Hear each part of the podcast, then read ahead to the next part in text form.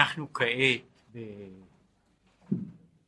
בדף א', באות ב', ממש א', דיברנו בשיעור הקודם, דיברנו על העניין הזה של אה, הנושא הוא שבת ועוד אם ירצה השם נגיע אליו, כן? אבל מה שאנחנו עוסקים בו כעת בהתחלה זו איננו הדבר של שבת, אלא, אלא דיברנו עכשיו על ה... דיברנו קודם על העולם הבא ועל העניין הזה של ביוד נברא העולם הבא ועל זה שהנשמות שבעולם הבא מקבלות איזושהי הערה שמאירה בתוכן מן, ה... מן המקור הראשון ועל ידי ההערה הזו הם נהנים מזיו השכינה. והנה בחינת גילוי המשכה זו מן ההלם. בין כשאני רוצה למשוך את, הג... את הדבר מן ההלם ביוד שנברא בו העולם הבא. להיות נהנים מזיו השכינה. בין כשאני מדבר על בריאה יצירה עשייה שבה' ברם שכדי להמשיך גילוי הה' בבריאה יצירה עשייה להיות עולם חסד ייבנה. כן אני רוצה שהעולם הזה תתגלה בו תראה בו מידת החסד של מעלה. כן זהו כמו שכתוב בהיברעם באברהם שהוא הסמל והעניין של מידת החסד של מעלה הוא על ידי התערותא דלתתא זאת אומרת כיצד אפשר להגיע לזה זהו על ידי התערותא דלתתא כמו שכתוב בעניין הזה.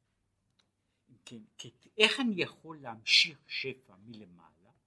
השפע מלמעלה התעוררות, התעוררות של מעלה באה על ידי זה שיש התערותא דלתתא שיש התעוררות מלמטה שמושכת אותה. והוא רק על ידי תורה ומצוות דווקא. כן, הוא פה מדבר על העניין הזה שאין לנו דרכים, אין לנו דרכים אחרות למשוך את השפע העליון, את ההערה העליונה מלמעלה, אין לנו דרך למשוך את השפע הזה מלמעלה באופן אחר, אלא בדרך הזו על ידי תורה ומצוות דווקא. וכמו שכתוב, ויניחהו בגן עדן לעובדה ולשומרה, כמו שאמרו, לעובדה זו רמ"ח מצוות עשה, לשומרה זו ששא מצוות לא תעשה. אם כן בגן העדן, כשאדם, עבודתו של האדם בגן העדן, היא בעניין הזה לעובדה ולשומרה, בהגדרה ובתפיסה של איך אה, מגיעים לעובדה ולשומרה על ידי הדרך הזו של תורה ומצוות. מה פירושו של דבר לעבד את גן העדן? מה, מה זאת אומרת? מה הוא עושה? מה צריך אדם, אדם קדמה לעשות בגן העדן? דהיינו, שנתוסף גילוי בחינת עונג העליון בגן עדן על ידי רמ"ח מצוות עשה דווקא. כן, הוא עושה כמו שהגנן שמעבד את הגן, שהוא עושה שהגן יצמח ביתר שאת.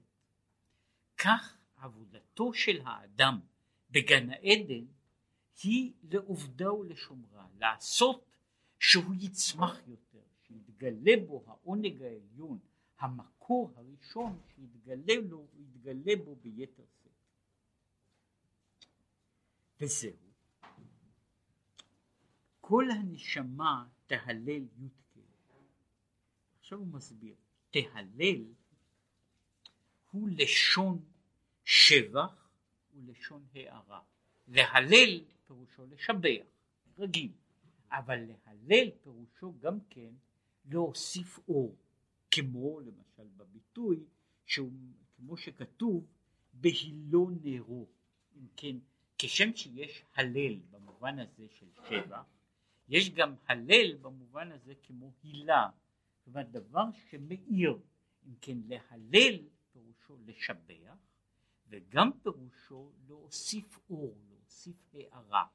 וכמו שהוא מסביר במקום אחר שזה לא, ה... לא בדיוק הנקודה כאן שעצם העניין הזה של השבח שמשבחים כלפי מעלה הוא בעצם המטרתו ועניינו הוא להוסיף הערה, הערה בעולם עליון. כן, זהו העניין של להלל. היינו, שהנשמה תמשיך אור וגילוי של שם י"ק, שיהיה גילוי והמשכת היוד בעולם הבא, והמשכת ההי בעולם הזה. ולכן נקראת הנשמה נר הוויה, שהיא בחינת נר הממשיך שם הוויה, להיות ביה הוויה צור עולמי. כן, זהו העניין הזה של נר השם נשמת אדם מצד אחד, שהוא נר השם שהנר הזה מה שהוא מאיר, מה שהוא מאיר הוא לא הנר שמאיר את עצמו, זאת אומרת הוא מאיר את ההערה של מהותו שלו, אלא הוא הנר הזה שמושך את ההערה של אה, אור הוויה. במובן הזה כל נר, נר הוא בעצם בית קיבול. בית קיבול, כך זה, זו המשמעות הבסיסית של המושג נר. נר הוא בית קיבול, שהוא בעצמו איננו מאיר, הוא נותן לאור להאיר על ידו. הוא יוצר את הדרך שהאור מאיר. אם כן, הנר איננו, הנר איננו מאיר כנר. הנר מאיר משום שהוא המקום, הלוקוס, שבו האש יכולה להיאחז. כן, במובן הזה, נשמת אדם היא צריכה להיות המקור שבו השם הוויה מתגלה. כמו שנתבהר בזה בתורה אור. והנה. עכשיו הוא נכנס קצת לעומק העניין במדרגה נוספת. והנה, הטעם שהמשכה זו הוא על ידי מצוות מדוע המשכה זו של האור האלוקי היא דווקא על ידי המצוות? מדוע היא לא יכולה להיעשות על ידי הרצייה האנושית, על ידי העליית הנפש האנושית, על ידי המחשבה האנושית, מדוע היא דורשת דווקא את המצוות. כן הוא אומר ככה, יובן, בהיות ששורש המצוות, השורש הראשון של המצוות, הוא בעצמו בבחינת פנימיות העונג העליון. את המצוות הן הפנימיות של העונג העליון בדרגה הכי עליונה שלו, זהו מצוות. פנימיות העונג העליון. וכמו שכתוב בתורה, והיה אצלו המון, והיה אצלו שעשועים, משחקת לפניו בכל עת.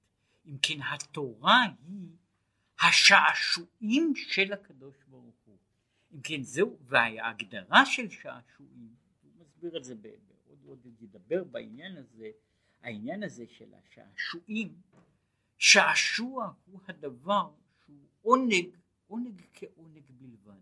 כן, זהו העניין של השעשוע, וזה בעצם המשמעות של, של המילה.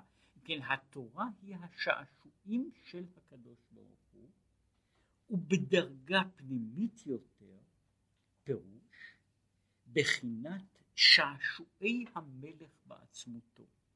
כן, יש הדרגה העליונה ביותר של ויהיה אצלו שעשועים, שהיא מדרגתה של התורה לא כדבר הניתן, המורה, המלמד בני אדם, אלא התורה בתמציתה, בשורשה הראשון, הוא שעשועי המלך.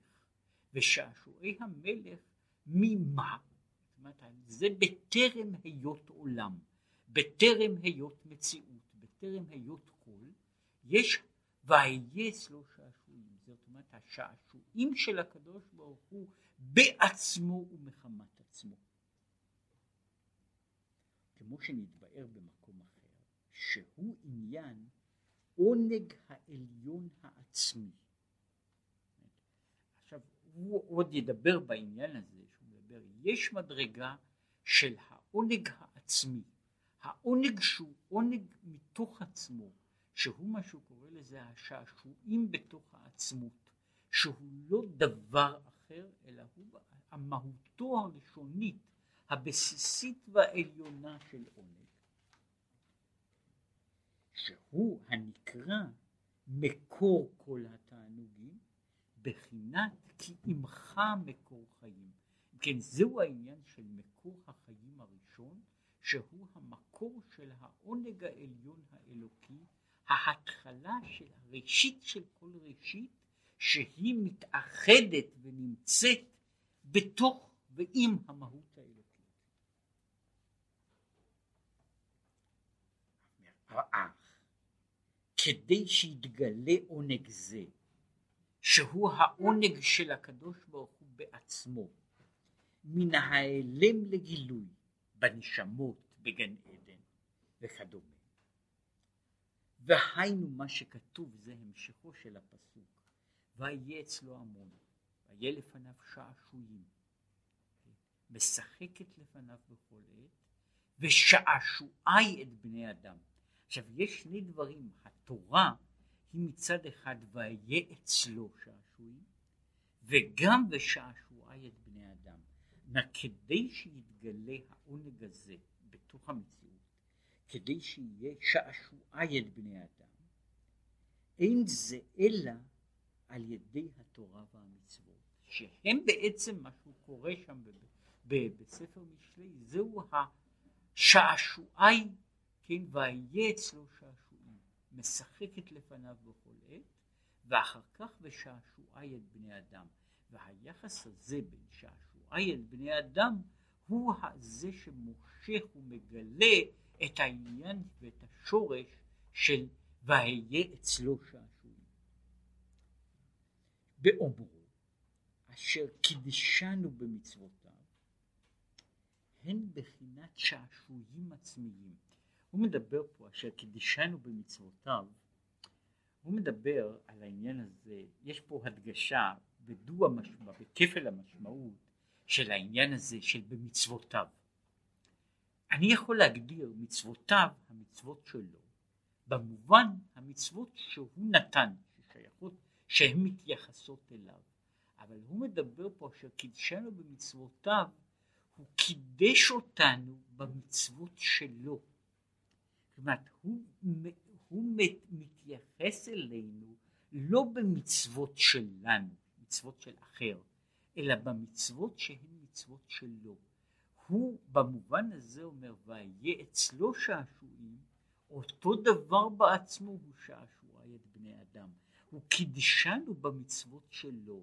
הוא משתף אותנו במה שהוא והיה אצלו שעשועים. כן זה כאילו שהקדוש ברוך הוא מתחלק איתנו במתנה שלו במצוות שלו בשעשוע שלו וזו, זה מה שהוא מתחלק איתנו, וזה מה שהוא אומר, אשר קידישנו במצוותיו. ובזאת הכוונה, דברכה של המצווה, וכאשר הוא מכוון בכוונה זו, בברכת המצווה, במובן הזה של אשר קידישנו במצוותיו, שהוא קידש אותנו, הבדיל אותנו, העלה אותנו, עד למדרגה הזו שאנחנו יכולים להשתתף במצוות שלו, בעונג שלו, בהוויה, בהוויה במציאות שלו. על ידי זה נמשך ובא לידי גילוי העונג העליון. וזה מה שהוא אומר ככה, וזהו. העוסק בתורה לשמה. מה זאת אומרת עוסק בתורה לשמה? לשם התורה. הוא עוסק בתורה, יש מישהו שעוסק בתורה לשמו. זאת אומרת, אני עוסק בתורה כדי לדעת אותה, כדי להשתמש בה, אפילו במובן הזה שאני משתמש בה כדי לעשותה. אבל יש העניין של העוסק בתורה לשמה, לשם התורה בעצמה, אני עוסק בתורה בשביל התורה. פירוש, שממשיך בחינת השעשועים העצמיים שבתורה,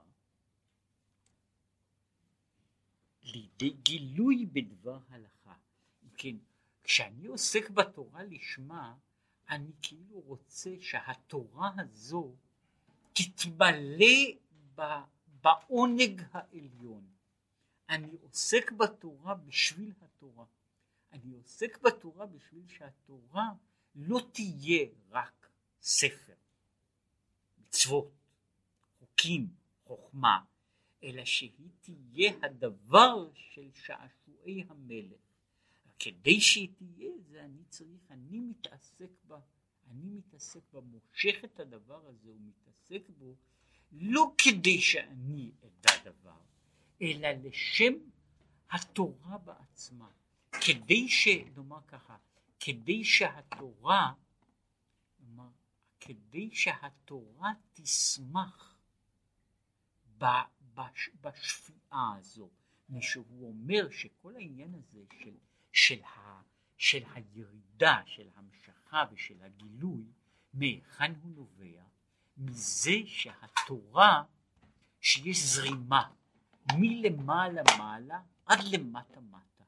עכשיו כאשר אני מושך, אני יוצר את הזרימה הזו של התורה, אני ממשיך בתוך התורה בעצמה, בתוך שורשה של התורה, עכשיו יש חיות חדשה, התעוררות חדשה, ואני עושה את זה לא מפני שאני רוצה לדעת את הדבר, מטרתי היא כדי שנאמר שהתורה תשמח, כדי שהתורה תשמח בנתינה הזו, שהתורה, מה שקוראים לזה, יש עניין של שמחתי בתורה, ויש עניין של שמחת התורה בתוך, בעצם העניין הזה של שהיא מתחיה ומתחדשת בתוך העיסוק הזה. ועל זה נאמר על התורה, דרכיה דרכי נועם.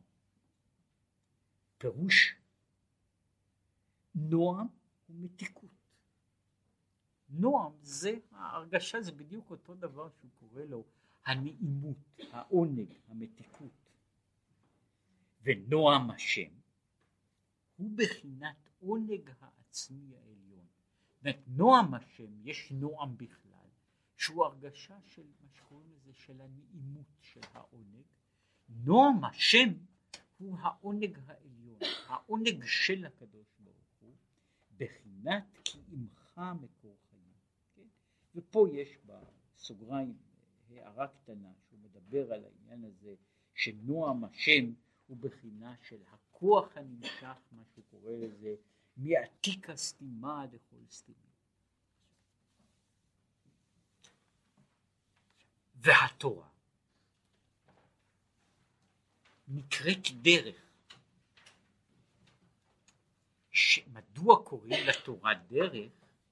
שבה דרכי נתיבות והילוך המשכות נועם השם מההיעלם לידי גילוי, על דרך משל הדרך שהולכים ממקום למקום.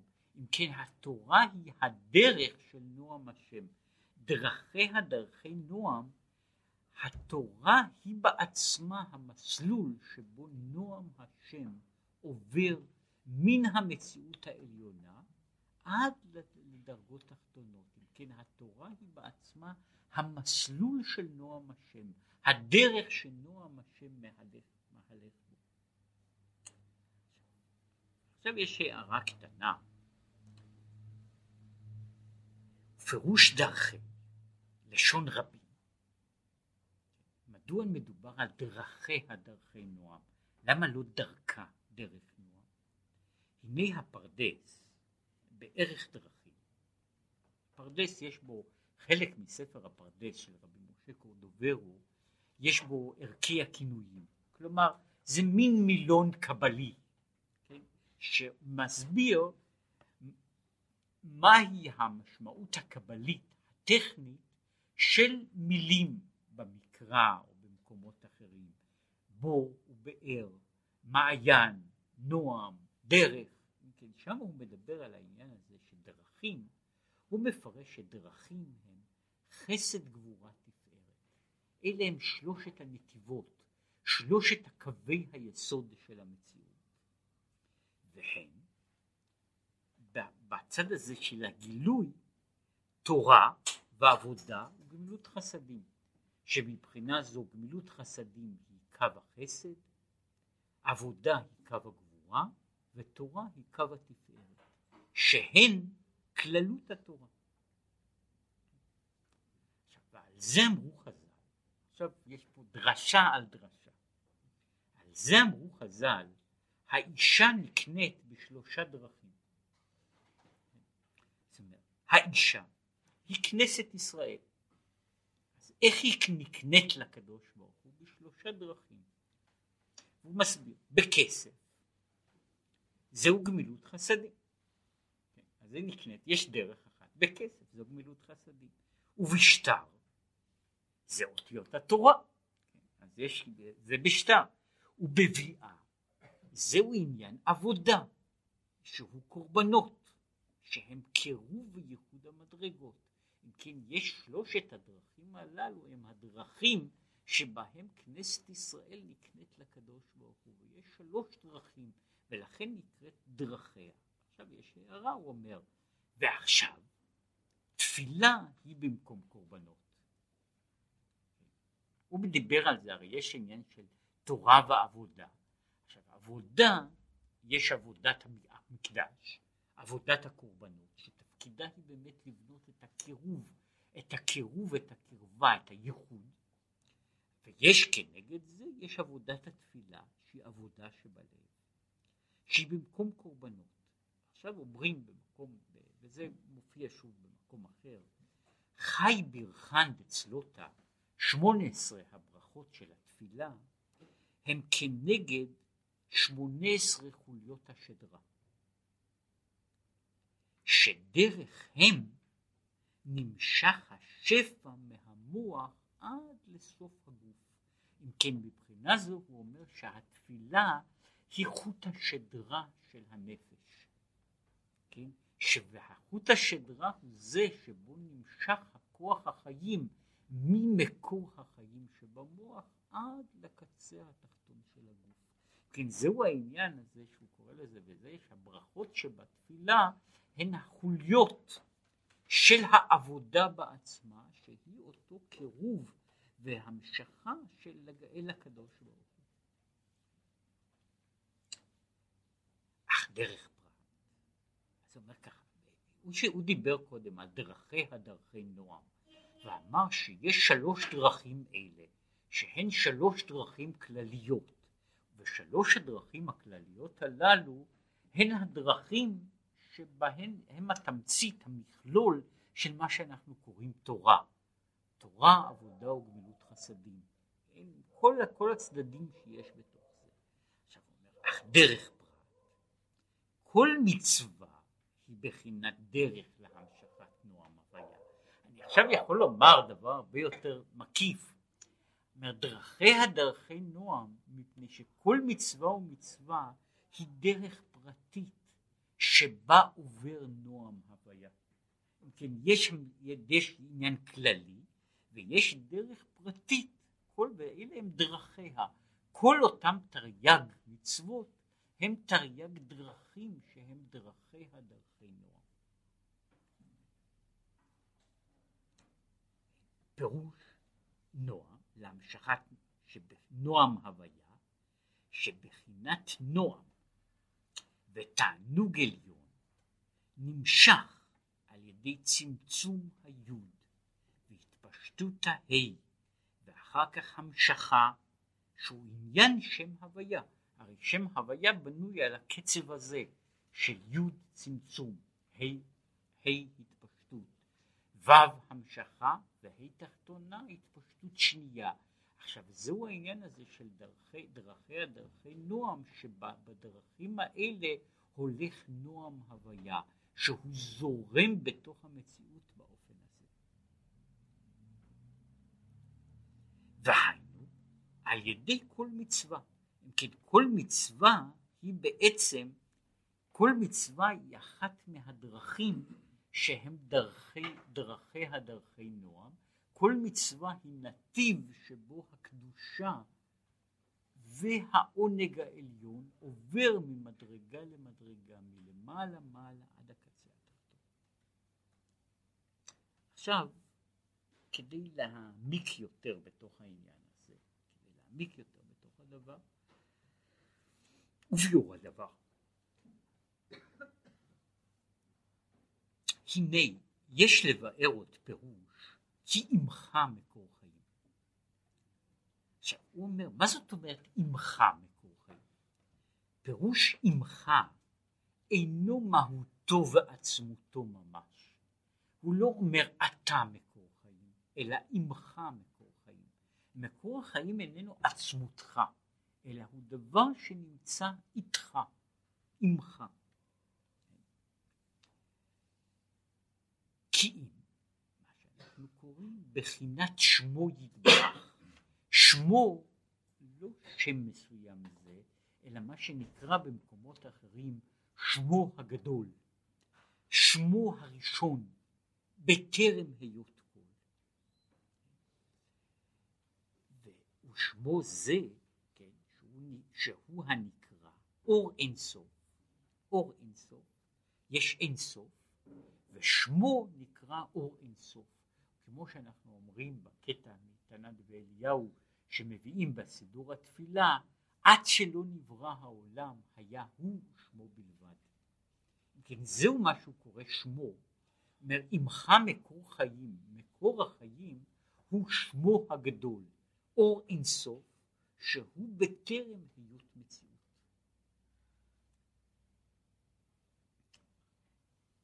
עכשיו, והוא נקרא אור, שהוא בחינת עמך.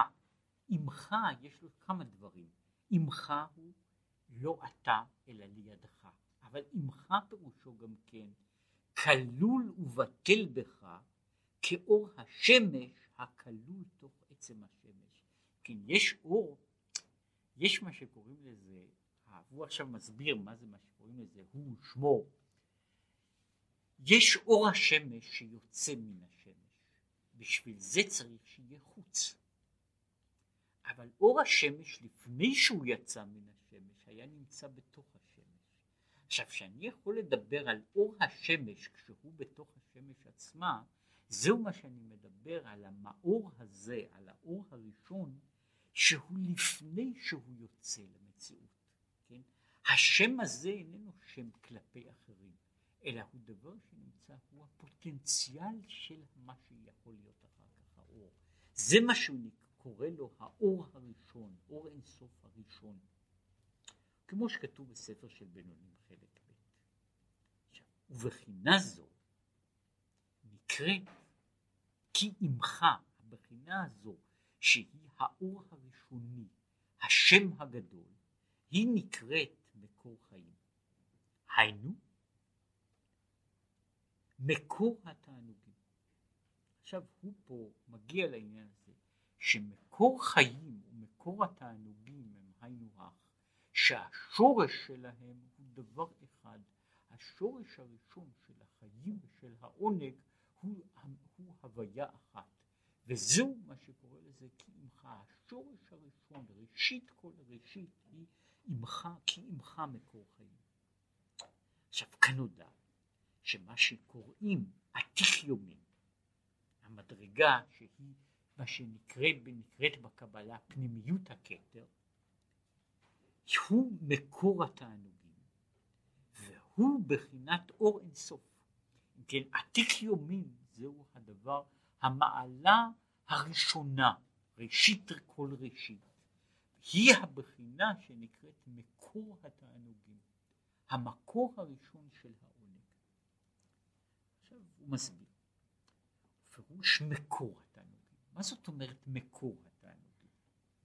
אומרת, איך, איך אנחנו מדברים על העניין הזה שהוא דיבר קודם על העונג העצמי, העונג העליון.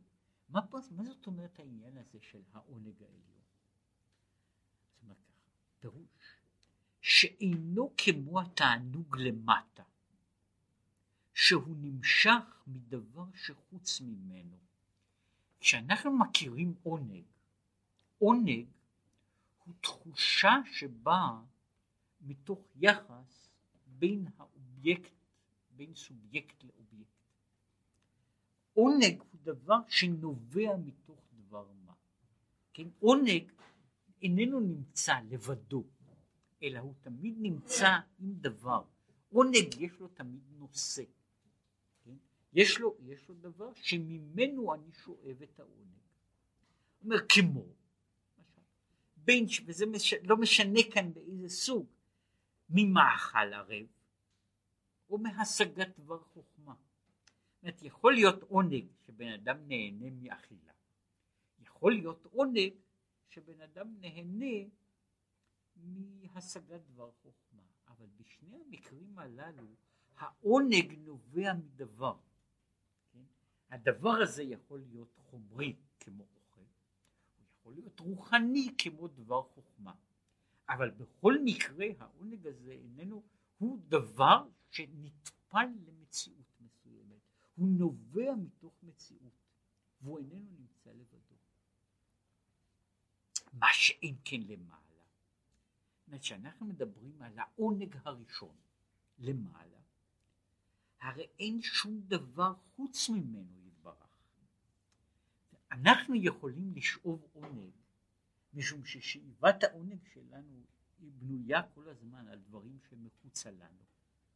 בין שהם מחוצנים לגמרי, חומריים וחיצוניים, בין שהם דברים שאנחנו יכולים להכניס אותם אל תוך השגתנו, אבל גם אז הם דברים מבחוץ. העונג הוא דבר שאני מתייחס אל הדבר שנמצא בחוץ. עכשיו לגבי הקדוש ברוך הוא הרי אין חוץ. ואם כן, התענוג העליון אינו קים על דרך שמציאותו מעצמותו. כשאנחנו מדברים על הקדוש ברוך הוא, אנחנו אומרים, מגדירים אותו, שמציאותו מעצמותו. כל, הרי כל המצויים שבעולם, יש להם מציאות תלותית. הם נמצאים מכוח דבר אחר. מציאותם תלויה בדבר אחר. וזה יש בדרים באופן כזה או באופן אחר. עכשיו, רק הקדוש ברוך הוא מציאותו מעצמותו. אם כן, יש, יש הגדרה שמבחינה זו אין לנו שום דומה לה של דבר שמציאותו היא מעצמותו. עכשיו, בדומה לזה, אצל הקדוש ברוך הוא, העונג שלו הוא מעצמו. זאת אומרת, כשם שמציאותו היא לא תלויה בחוץ, כך העונג שלו איננו תלוי בחוץ. הוא הוויה עצמית שאין לה, שאין לה דברים אחרים. היא מהות, המהות בעצמה, כן? שאין לה, שאין לה מקור, שאין לה סיבה, שאין לה דבר שמוביל אותה. כן, הרי אין דוגמתו כלל בתענוגים שבעולם. ואינן מסוג מערך וסוג שלו כלל. כש... כיוון שכל התענוגות שבעולם הם תענוגות נלווים, זאת אומרת, הם עונג מדבר. אני מתענג ממשהו, על ידי משהו, על ידי איזשהו אופן אחר.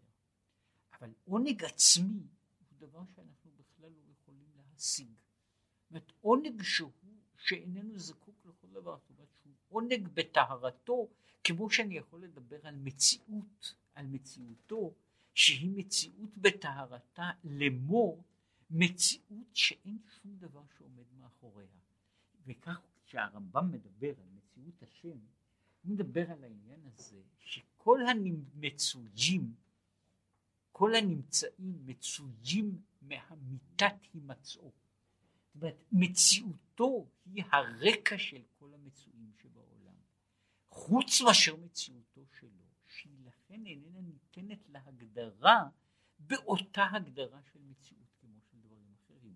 היא לא מערך וסוג של דברים אחרים, משכל מצוי אחר הוא מצוי המוגדר על פי הוויות אחרות ונשען על הוויות אחרות, והן הולכות בדרגה אחר דרגה, שלב אחרי שלב, מלבד העניין הזה של המציאות העצמית.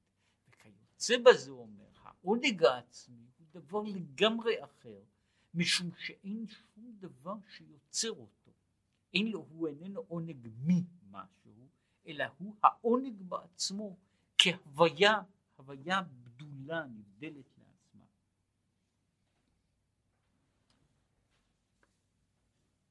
ולכן, בחינה זו של העונג העליון העצמי, גבוהה למעלה מעלה אפילו מחוכמה עילה. מדרגת העונג העליון היא מדרגה יותר גבוהה מכל הדרגות האחרות, אפילו מדרגת החוכמה העילאה שהיא העליונה שבדרגות, מכל מקום, זה מה שקוראים שעתיק יומין הוא למעלה מעלה מכל המדרגות. מדוע? כי גם בחוכמה יש הרכבת שתי בחינות. החוכמה והתענוג שיש. אם כן, אין תענוג זה שבחוכמה ערך כלל לעצם התענוג שהוא פשוט בתכלית הפשיטות. אם כן, עצם התענוג הוא דבר שהוא פשוט. פשוט במובן הזה, כמו שבזה בסגנונו של המהר"ל, פשוט בתכלית הפשיטות, פירושו כל, יש כל ההוויות שבעולם הן הוויות מורכבות. הוויה פשוטה היא הוויה עצמית, שאיננה מורכבת, שאיננה מתחלקת, שאיננה ניתנת בכלל לאיזושהי איזושהי הגדרה, משום שאם לדבר על העניין הזה של פשוט, אותו במשמעות כמעט המילולית של הדבר. אני פושט משהו. אני פושט, אני יכול לפשוט ממישהו את המעיל. זו, זו, התפשטות אחת. אני יכול לפשוט הלאה והלאה והלאה. אפשר גם לפשוט את האור. כן? אפשר לפשוט עוד. כן? עכשיו, יש דבר שהוא פשוט בתכלית הפשטות. זה הדבר שפשטתי ממנו כל המעטים, את כל הלבושים. עכשיו נשאר, וזה מה שאני אומר, אם זה לדבר בסגנון אחר, נשאר הדבר כשהוא לעצמו. זאת אומרת, נשאר, נשארת מציאות שהיא פשוטה בתכלית הפשיטות, משום שאין לה שום, שום כיסוי, וזהו העניין הזה של ההגדרה של הפשוט, שזה, המהר"ל מעריך בזה, שבשבילו זה אחד העניינים הגדולים, על העניין הזה, הגדרת הקדוש ברוך הוא בתור פשוט בתכלית. כן? פשוט במובן הזה לא מה שאנחנו קוראים רק העניין של הפשטה, אבסטרקציה, כן? פשוט בעניין הזה של דבר שאין לו כל אותה תפיסה של המורכב והמרכיב, של המעטה ושל הפנימי, איננה קיימת שם, אלא הוא פשוט בתכלית מופשט מכל, מכל הדברים ואין לו שום הגדרה ומשום כך הוא איננו נכנס לשום גדר, לשום קביעה, לשום, לשום מסגרת, לשום אופן שאני יכול לנסות להעמיד אותו. זה מה שהוא קורא פשוט בתכלית. והעונג העליון הזה, מכיוון שהוא לא עונג ממשהו, כן? הוא עונג בתוך מהותו, כן? הוא עונג מעונג. ובאשר באשר הוא כן, הוא על, משום כך העונג הזה הוא עונג עצמי פשוט בתכלית. עכשיו הוא ממשיך עוד קצת הלאה בעניין תענוגות וביאור הדברים. היינו, כי אנו רואים על דרך משל למטה, למטה בעולם שלנו, שהתענוג מתפשט באריכות ורוחב יותר מכל הכוחות שבנפש. עכשיו יש פה, הוא אומר ככה, כוח העונג הוא הכוח שהוא מתפשט, מה שהוא קורא לזה, באורך ורוחב יותר מכל שאר כוחות הנפש. לאמור, ההתחלה באורך כוונתו, ההתחלה שלו היא ראשונית ביותר, והוא מגיע עד לדרגות הכי נמוכות, הרוחב הוא שהוא מתפצל לכל הפרטים ולכל ולכל המבנים ולכל הצורות. ואין כוח אחר בנפש שמגיע לכל כך הרבה אורך ורוחב. אורך במובן הזה שהמנעד שלו, שה... עשית האמפליטודה שלו, המרחב מין, מנקודת, מנקודה עליונה עד נקודה תחתונה הוא כל כך רחב ואין דבר שיש לו שהוא כל כך רחב כמו העניין של העונג ואין דבר ש, שיש בו כל כך ריבוי אופנים ופרטים כמו בזה. הוא עכשיו מביא את העניין. היינו שבכל הדברים התכלית והמכוון התכלית של כל הדברים הוא מה שמתענג ושמח מזה. זוהי התכלית של כל הדברים. התכלית של כל העניינים היא תכלית, תכלית של העונג שיש לי בדבר. זאת אומרת, זוהי תכלית הדוניסטית.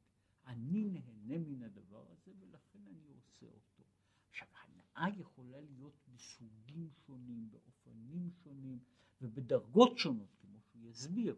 אומר, המכוון בכל הדברים, זה מה שהוא קורא במקום אחר, אה, במקום אחר, והזכרתי את זה, הוא גם ידבר על זה הלאה, אה, הוא אומר, זהו העניין של הטעם, הטעם בדו המשמעות שלו, שהוא עוד מעט יגיע אליו. ונגד זה הוא עניין צער וייסורים חס ושלום, שהם הפך התענוג. אומרת, הצער זה ההפך של התענוג, וזה שוב, זהו הדבר שממנו האדם נמנע, מצער, מייסורים, מכל הדברים שהם ההפך של העונג. וזה אומר, זהו המרכיב הראשוני של, של, של כל מה שקורה בתוך מציאות החיים.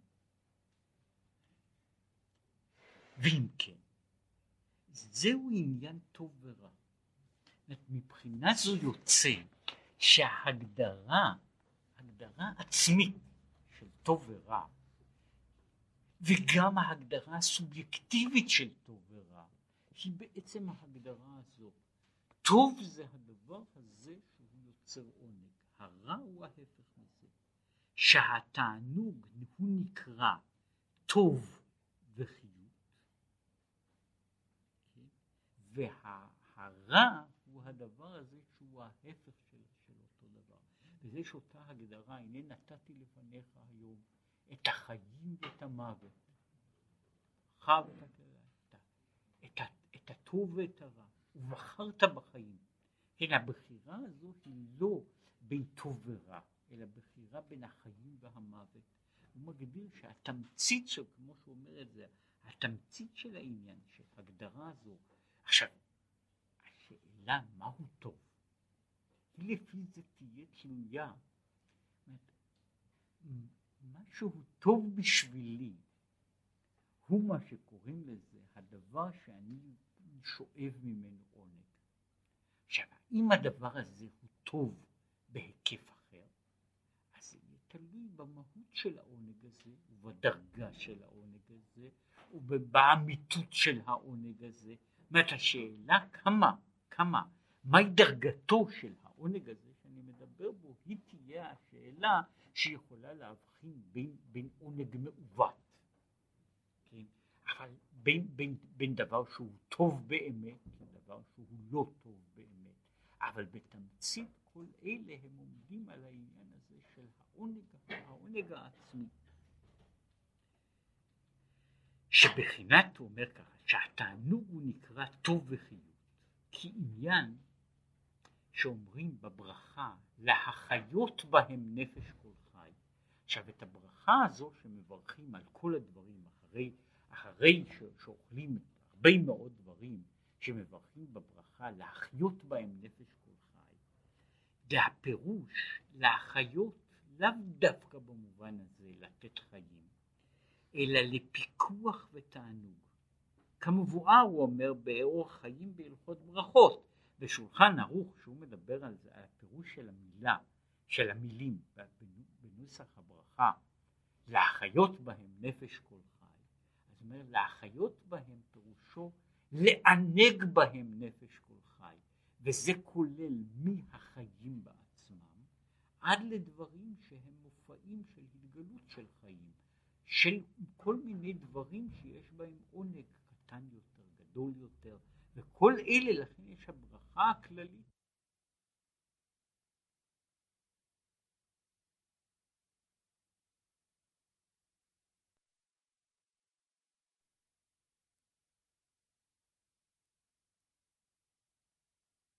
מאמין שהתמצית החיים והעונג הם בעצם שתי פנים של דבר אחד. שהחיים והעונג הם אינם שני דברים שונים, אלא הם בעצם אותו דבר. ובעצם תמצית החיים היא העונג, והעונג, התמצית הראשונית של העונג היא החיים בעצמם, כמו שעוד יגיד. עכשיו, אה, ועכשיו הוא אומר, וזה הרי, על דרך זה, כל עמל האדם. זאת אומרת, כל מה שהאדם עושה הוא בעצם כדי לחיות, או אם אני רוצה באופן אחר, כדי להתענג. עכשיו, כמו העוסק במשא ומתן כדי להרוויח ולהתעשר, לפי שתענוג שלו הוא מזה. זאת אומרת, האיש הזה שעוסק ועובד קשה כדי להרוויח וכדי להיות עשיר, הוא עושה את זה מפני שהוא רודף אחרי עונג. העניין הוא רק שהעונג ותפיסת העונג אצל אנשים שונים היא לא שווה, ולכן האיש הזה שהעונג שלו הוא מכסף, הוא חי בשביל הכסף, אבל המטרה שלו היא בעצם היא העונג, לא כסף. זאת אומרת, הכסף הוא האמצעי שלו, כמו שהוא דיבר על זה, שכל עונג הוא, כמו שאנחנו משיגים אותו, הוא דבר שנבנה מדבר. עכשיו, מתוך זה יש לו עונג. עכשיו, ומי שמת... מי ויש מי שמייגע את עצמו בחוכמה. כן? אז למה? לפי שמזה הוא החיות שלו. זאת אומרת, ההבדל בין זה שמתענג, שמחפש כסף, זה שמחפש חוכמה, היא לא הבדל במטרה הבסיסית של האנשים, אלא ההבדל באופן שבו האנשים מרגישים יותר חיות, או באופן, במילים אחרות, מהו האופן שבו בן אדם מתענג ביתר שאת. עכשיו, יש העניין הזה של ההתענגות והעונג של החוכמה, ויש זה של העושר, ויכולות להיות עוד כך וכך וכך דוגמאות של עונג. עכשיו, שהוא בשביל האדם הדרגה הגבוהה ביותר של העונג, זהו הדבר שהוא משקיע בו את חייו ביותר. וכ, וככל שיש לו דרגה או השגה גבוהה יותר בעונג, ככה, ככה הוא נמצא, הוא חי בשביל מטרה שנקראת מטרה גבוהה יותר. זהו צד אחד שהוא קורא לזה על האורך שהתענוג נמצא כמכשיר מרכזי כן, שנמצא בכל הדרגות, דרגות נמוכות, דרגות גבוהות, מלמעלה למטה, הוא בעצם השורש הראשון, הדבר שאותו בעצם אני מחפש מאחרי כל החיפושים האחרים. מצד זהו אורך התענוג, רוחב התענוג. גם אנו רואים שיש מיני תענוגים רבים לאין קץ. זה מה שהוא קרא רוחב התענוג. התענוג הוא גם רגש שיש לו המרחב הגדול ביותר של דברים שהוא, שהוא של אופנים, של סוגים שונים. אז אומר, למשל, כמו דרך כלל, יש תענוג בחוש הטעם, יש תענוג של אוכל, חוש הטעם, באכילת מאכל ערב, המתוק לכך. עכשיו, וגם בזה יש כמה וכמה מטעמים ומשקאות מינים ממינים שונים. עכשיו, יש עולם שלם, אבל זה לא התפקיד שלו להתעסק בזה, אבל אומר, יש עולם שלם, יש עונג של חוש הטעם. עכשיו עונג של חוש הטעם הוא סוג מסוים של תענוג. עכשיו התענוג הזה הוא בעצם מתפרץ לכל המרחב של הגסטרונומיה. כן? זאת אומרת, וכל משקה הוא משקה. יש לו, יש לו סוג אחר של טעם, וממילא סוג אחר של עונג שאני שואב מתוכו. כך שיוצא שאפילו בתוך התענוג נאמר של שתיית יין, אז הוא קבוע כפי כך וככה מסוגים שיש יינות בעולם, וכך הלאה. אם כן התענוג הזה הוא לא רק שהוא נמצא בחוש הזה, אלא הוא מתפרץ לפרטים כל כך רבים וכל כך שונים אחד מן השני. עכשיו, יש תענוג בחוש הריח, והוא מין תענוג אחר מהתענוג שבחוש הטעם. עכשיו, וגם בזה, אומר, יש uh, תענוגות מסוגים שונים מאוד. כן? יש תענוגות של ריח, ושוב, יש, יש כל כך הרבה ריחות, וכל אחד מהם הוא סוג אחר של הנאה, משום אף על פי שהם כולם נכללים בתוך החוש הזה של חוש הריח, אבל הם נבדלים אחד מן השני באופן שבו אני מתענג מהם.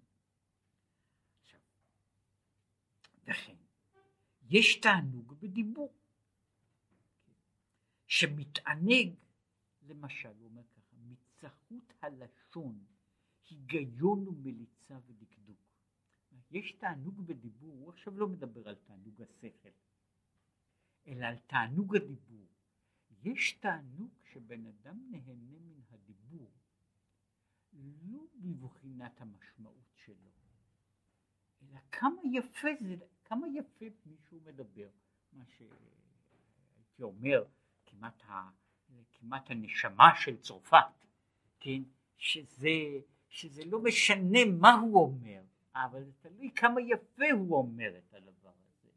אומרת, יש עניין כזה של כמה זה יפה, זאת אומרת, יש היופי, וזה, יש עוד תרבויות כאלה, שיש עונג מיוחד שהוא נובע מהדיבור בעצמו, לא מה, מהשכל, אלא מהדיבור, מה שהוא קורא לזה צחות הלשון, היגיון ומליצה ודקדוק. כן? איזה משפט, כן? איזה משפט יפה, איך המשפט הזה בנוי. כן, בן אדם עומד ומתמוגג לא ממה שאמרו, אלא איך הדבר הזה נאמר. כן? איך הדבר הזה נאמר, וזהו זהו סוג מסוים של תענוג, שנובע מהדיבור.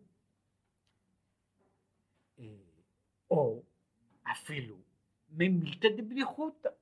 יש סוג אחר של עונג, שבן אדם שומע בדיחה, אז זה גם כן תענוג, כן? אבל זה תענוג אחר מהתענוג שיש לבן אדם שהוא, שהוא רואה משפט דקדוקי מושלם, כן? או שהוא רואה מליצה שהוא אף פעם לא שמע אותה, כן? או משאר דיבורים שחפץ לדבר. כלומר, לא רק זה, אלא לפעמים יש עניין כזה, העונג שבדיבור יכול להיות מדיבור יפה. יכול להיות מדיבור מבטח, כן? הוא יכול להיות מדיבור שאני רוצה להגיד אותו, יש עונג בדיבור בעצמו, הוא עכשיו מדבר לא על ה... זאת אומרת, יש עונג בעניין הזה, ההרגשה, יש לפעמים הרגשת השלמות, יש הרגשה שיש בבדיחה, יש לפעמים הרגשה של עצם העניין הזה שאני מדבר יוצר עונג מסוים לעצמו, ואפילו, כמו שהוא אומר, דאגה בלב איש, ישיחנה לאחר. ועל ידי זה יוצא הדאגה והצער. הרי על כורחך שמתענג מדיבור זה, ועל ידי זה נדחה הצער שהוא הפך התענוג. אם כן, יש פה העניין הזה שבן אדם שמספר, יש לו מועקה, והוא מספר את זה, פירושו של דבר שעצם סיפור הדברים הוא בעצמו תענוג, תענוג מיוחד. יש תענוג בזה שאני מספר משהו שרציתי לומר. יש תענוג בזה שאני מוציא משהו שמעיק עליי. זאת והתענוג הזה הוא לא בפתרון של בעיה, אלא בעצם הדיבור. אם כן, הוא אומר, יש עניין כזה של התענוג, הוא אומר, דיבר על תענוג שיש בחוש הטעם, יש תענוג בחוש הריח, ויש תענוג בחוש הדיבור. התענוג בדיבור, עכשיו מדבר על הדיבור, על ה... נקרא לזה, על המכניקה שלו, על המהות שלו, על עצם העובדה, על הדיבור כדיבור, שהוא שוב כולל בתוכו כך וכך אופנים של עונג שהם נמצאים בדיבור. וכן יש תענוג בשמיעה, של שמיעת קול נאה, זמרה דפומה, שירה של פה, או כלי זמר ערב, וכהי גבנה, כן, אז יש סוג כזה, עכשיו יש תענוג, עכשיו בזה שוב אה, יש פרטים ופרטי פרטים שהם שייכים לתענוג הזה, התענוג של שמיעה, לחוש השמיעה יש לו מערכת התענוגים שלו, וכן בראייה.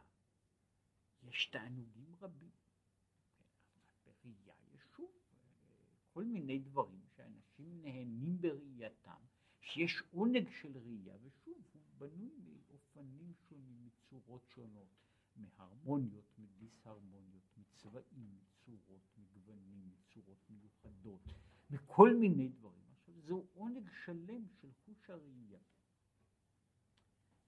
כל שכן בתענוג שבשכל ובמידות. עכשיו יש אחר כך עולם פנימי שלם של התענוג שיש בשכל. כן? זה עכשיו, כל, עד עכשיו הוא דיבר על מכניזמים. עוד כאלה וכיוצא באלה. עכשיו הוא מדבר עכשיו, הוא עובר מעבר למכניזמים, לתכנים, אמוציה. אז יש לאמוציה, יש איתה תענוג נלווה, ולכל אמוציה יש תענוג ממין אחר ובאופן אחר, וכיוצא בזה יש התענוג שבשכל, שבמחשבה, שבעצם המחשבה, שבמחשבה מסוימת, שבמחשבה כזאת, במחשבה אחרת. וכאן יש שוב מרחב עצום שהוא שייך, כולל, מתייחס לדברים הללו ונמצא הרבה מעבר להם. עכשיו הוא אומר ככה, זה מה שהוא דיבר על זה, שכוח התענוג, כוח שיש לו מרחב גדול כל כך, הן מבחינת האורך שלו, שהוא קורא לזה מבחינה זו שהוא מגיע לכל נקודה של מציאות, בין שהיא גבוהה, בין שהיא נמוכה, הוא נמצא, הוא נמצא בתוכה, העונג נמצא בתוך כל נקודה של מציאות. עכשיו הוא נמצא גם בריבוי גוונים שאין בשום דבר אחר, כן? אין בשום דבר אחר, אני יכול להיות, יש דברים, אומרת, גם דברים, יש דברים שאני יכול למשש אותם, יש דברים שאינני יכול למשש אותם, אבל העניין של העונג הוא לא מוגבל בחוש המישוש, יש דברים שהם מושכלים. דברים שאינם מושכלים. אבל לא, אבל אני יכול להתענג גם מאלה וגם מאלה.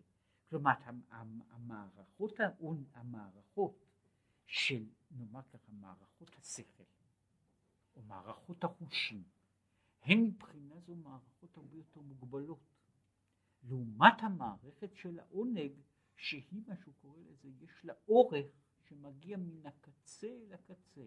היא יכולה כל אובייקט יכול להיות אובייקט של, של עונג. כל אובייקט שבמציאות יכול להיות אובייקט של עונג, ואין שום הבדל מה מהותו של זה, גבוה, נמוך, כזה או אחר. כל דבר שבעולם יכול להיות אובייקט של התענוג, וזהו העניין שלו. הוא דיבר גם על זה שתענוג, למרות שיש משהו שאנחנו מרגישים שאנחנו יכולים לכלול בתוכו עונג כהגדרה כללית. עם כל זה, העונג הוא חוויה פרטית מיוחדת לגבי דברים שהם שונים אחד מן השני, והיא לא בדיוק אותה חוויה. היא, יש אומרת, היא מתפרטת למרחב עצום של סוגים, של פרטים, של אופנים שונים, ששוב דברים אחרים, כוחות אחרים שבנפש, אין להם לא את האורך הזה ולא את הרוחב הזה. עכשיו, מה שהוא רוצה להביא מכאן ולהוכיח מכאן, הוא בעצם הדבר שהכוח הזה הוא כל כך קשור עם עצם החיים, שמשום כך יש לו מרחב, יש לו, יש לו היקף כל כך גדול, משום שהוא איננו דבר ששייך לאופי, לתכונה מסוימת. אלא הוא שייך לעצם החיים בעצמם, ומשום כך הוא יכול לחול על כל דבר. כל דבר שבמציאות יכול להיות אובייקט של עונג. כל דבר בכל היקף, ויחד עם זה, זה לא סתם נושא שאני מתעסק בו, אלא הוא בעצם המרכז של השאיפה.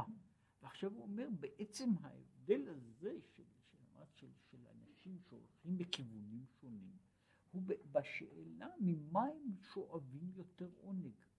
וכמו אומר על זה, עניין של העונג הוא כמו בהרבה דברים.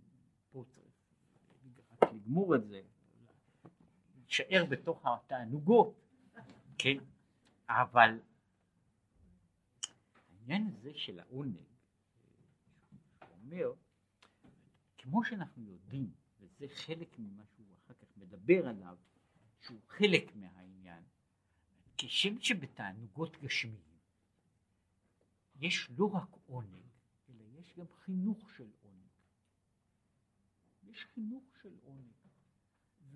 וכל בן אדם, לא משנה באיזה נושא, יודע שיש חינוך כזה. יש חינוך שמחנכים למשל את חוש השמיעה. יש חינוך לזה. יש חינוך. יש, יש דברים שכנראה כל אחד יש לו איזה סוג של הנאה ממנו.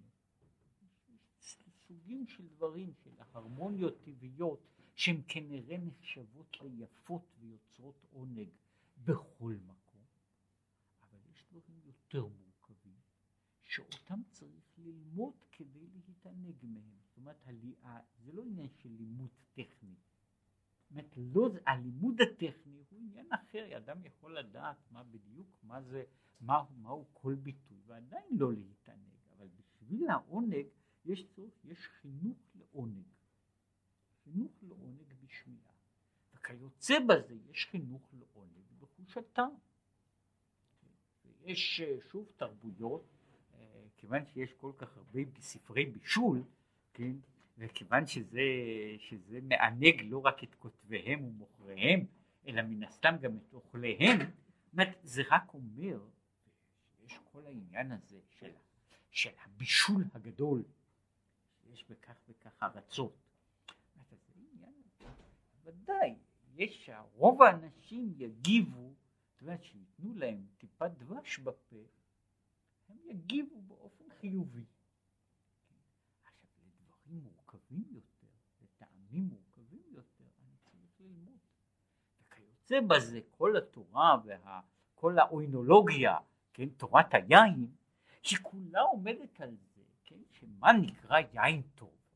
אדם צריך ללמוד את זה, ויש אנשים שיושבים ומשקיעים חיים כדי ללמוד את העניין הזה, לדעת מה זה יין טוב. עכשיו מבחינה זו, וזה מה שהוא אומר את ההמשך, בצד מסוים שהוא אחר כך מדבר על עולם הזה ועולם הבא, הוא רק אומר שיש הבדל, שאומרת שאם בן אדם נהנה מהנאות העולם הזה, וזהו כל, כל תחום ההנאה שלו, אז הוא נמצא באותה דרגה כמו כל מי שנמצא בדרגה נמוכה מאוד של השגה. באותו עניין, זאת אומרת, כמו בן אדם, כן, ש, שתחום התענוגות שלו, או, או נקרא לזה, אה, קצה העונג שלו, הוא, ה, נאמר, ה, היכולת לאכול, אה, כמו שיש בסיפור של, של פרץ, כן, יש סיפור על בונצ'ה שווייג, כן, שהוא סיפור מפורסם שמישהו מביאים אותו, אחד מענבי עולם מביאים אותו לגן עדן, ושם אומרים לו שעכשיו הוא בגן עדן הוא יכול לשאול כל מה שהוא רוצה, הכל הכל בא כאשר לכל, והוא מהרהר וחושב ושוב שואל אם באמת באמת באמת, ואומרים לו שבאמת הכל, ואז הוא אומר, הוא היה רוצה לחמניה מרוחה בחמאה, כן? עכשיו, אז מה, מה זה אומר? זה אומר שיכול להיות שאצל בן אדם, לפי חייו ולפי עניינו, השיא, הגג של העולם הוא נמצא בדרגה הזו. עכשיו, זה, זה מראה על, על עניין נמוך מאוד, כן? זו רחמנות גדולה על מי שהוא בחיים שלו איננו יכול להגיע לסוג אחר ולתענוג אחר מעבר לתענוג. זה מה שהוא אומר, שזהו בעצם כל העניין הזה של ובחרת בחיים זה עניין של העלאה, של, של, של, של, של, לא של סובלימציה, אלא של עידון של החוש, כן? שאז בן אדם מבחין בין טוב לרע בצורה יותר שלמה. הוא מבחין בין, בין עונג לעונג בדרגה יותר גבוהה, ואז הוא יודע מה נקרא, מה נקרא טוב, וזה מה שהוא ימשיך אחר כך לדבר, על ההבדל שיש בין מה שקוראים לזה תענוגות של מטה לתענוגות של מעלה. מה זה עולם הזה ומה זה עולם הבא, מה היחס ביניהם, דווקא בתוך הבחינה הזו, בתוך המסגרת של המאמר הזה, שכל כולה עוסקת בעונג.